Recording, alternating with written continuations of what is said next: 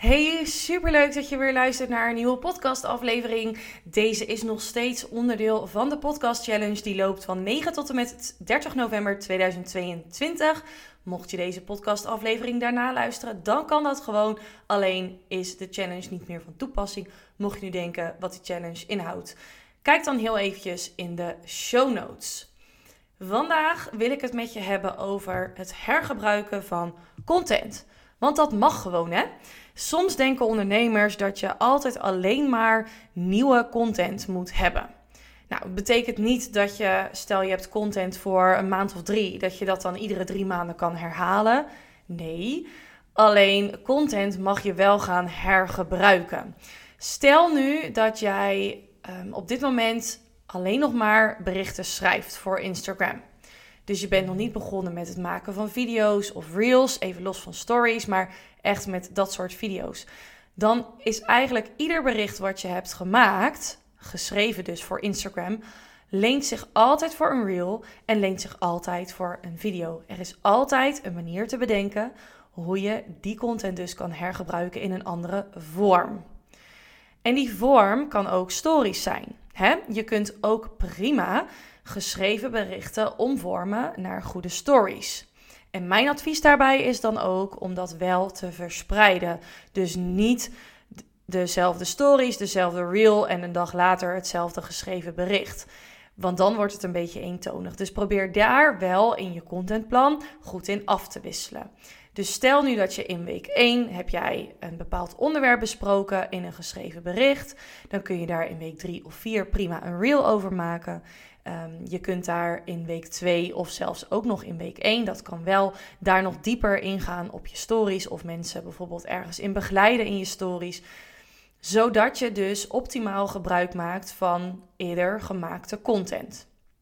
En nu heb ik het hier heel specifiek over Instagram. Mocht je als ondernemer nu meerdere kanalen inzetten, dus bijvoorbeeld e-mailmarketing of podcast of iets dergelijks, nou, dan is het nog belangrijker dat je daar een hele goede afwisseling in hebt. Maar goed, daar gaat deze podcast niet over. Deze podcastaflevering is heel erg gericht op Instagram. Dus wat voor jou heel erg belangrijk is, is wanneer je aan de slag bent gegaan met je contentplan en je hebt daarin bedacht welke geschreven berichten er online komen, welke reels er online komen, welke langere video's je eventueel maakt en wat je dus allemaal ook gaat bespreken in je stories, wanneer je dat fijn vindt om dat ook in je contentplan te zetten. Dat je dan dus ook gaat kijken, oké, maar welke contentvorm op Instagram kan ik nog meer inzetten, zodat dat bericht nog meer beklijft.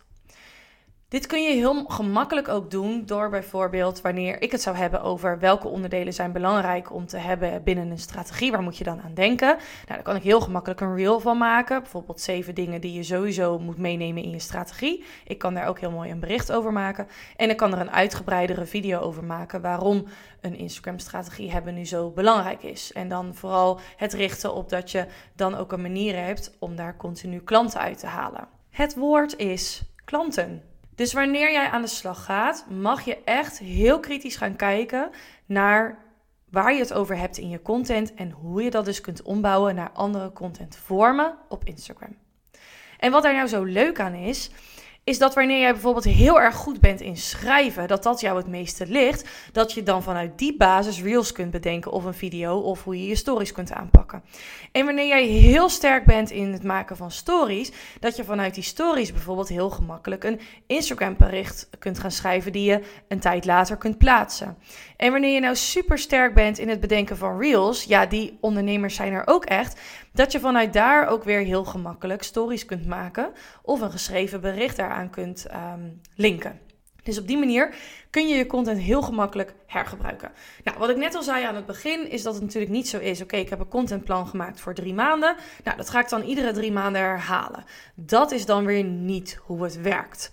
Dat ligt natuurlijk een beetje fijngevoelig, want ja, oké, maar wat is dan een soort van criterium wanneer ik content kan herhalen? Ja, dat is ook een beetje een kwestie van aanvoelen.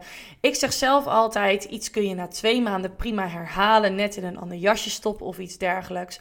Dat is echt geen enkel probleem. En wanneer jij bijvoorbeeld iedere vier maanden iets uh, lanceert wat continu hetzelfde is, dan mag je natuurlijk zeker bepaalde berichten die het supergoed gedaan hebben, herhalen. Let er alleen wel op dat er ook gewoon nieuwe content bij zit. Want dat is natuurlijk belangrijk. Dat je niet continu in herhaling blijft vallen. Want dan val je wel in herhaling.